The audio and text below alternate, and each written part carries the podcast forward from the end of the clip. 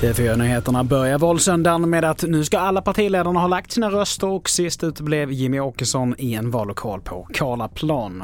Fortsatt, det har varit långa köer på många håll sedan vallokalerna öppnade klockan åtta i morse. Det är en ny regel som har införts, valhemligheten, det faktum att andra inte ska veta vilka du röstar på, att du ska få hålla det för dig själv. Den har stärkts och man har gjort detta genom att upprätta ett separat bås där man då tar tag i sina valsedlar, sen går man ut, stoppar in i valkuvertet och går in i ett annat bås. Det är två stycken avskärmningsbås helt enkelt. Och i inslaget här så hörde vi reporter Alexandra Li Letterfors. Och för den som blir sen kan det vara bra att veta att står man i kö vid en vallokal vid stängningsdags klockan åtta så kommer man att komma in och rösta även om den officiella sluttiden har passerats.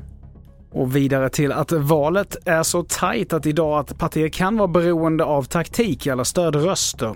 Torve Sjön från Kantar Sifo förklarar. Nej, men ett parti ligger bra till, då behöver man inte stödrösterna. För ofta är det här partierna, eh, eh, väljarnas andrahandsval. Mm. Eller man tycker att det är viktigt att partiet ändå kommer med i riksdagen även om man på många, som Miljöpartiet, man kan markera i miljöfrågan men i många andra frågor så kanske man föredrar vänstern eller Socialdemokraterna. Mm. Så det är först när man riskerar att åka ut som, man, som då de här eh, löses ut. Och nu till ett nytt inslag i årets val där även influencers har börjat ta ställning vilket inte har hänt tidigare. Till exempel Amanda Schulman och hennes syster Hanna Videll som driver en av Sveriges största poddar.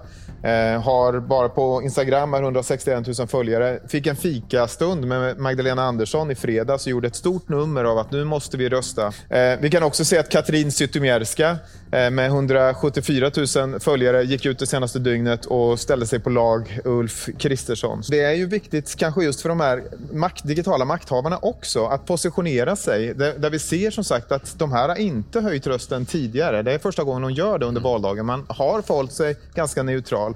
Det märks att liksom febern går upp, inte minst ju närmare vallokalerna stänger. Att vi, för allt fler som går ut och säger ta ställning, rösta på, på mitt eh, parti. Helt mm. Och reporter här var journalisten Emanuel Karsten. Fler nyheter hittar du på tv4.se. Jag heter Mattias Nordgren.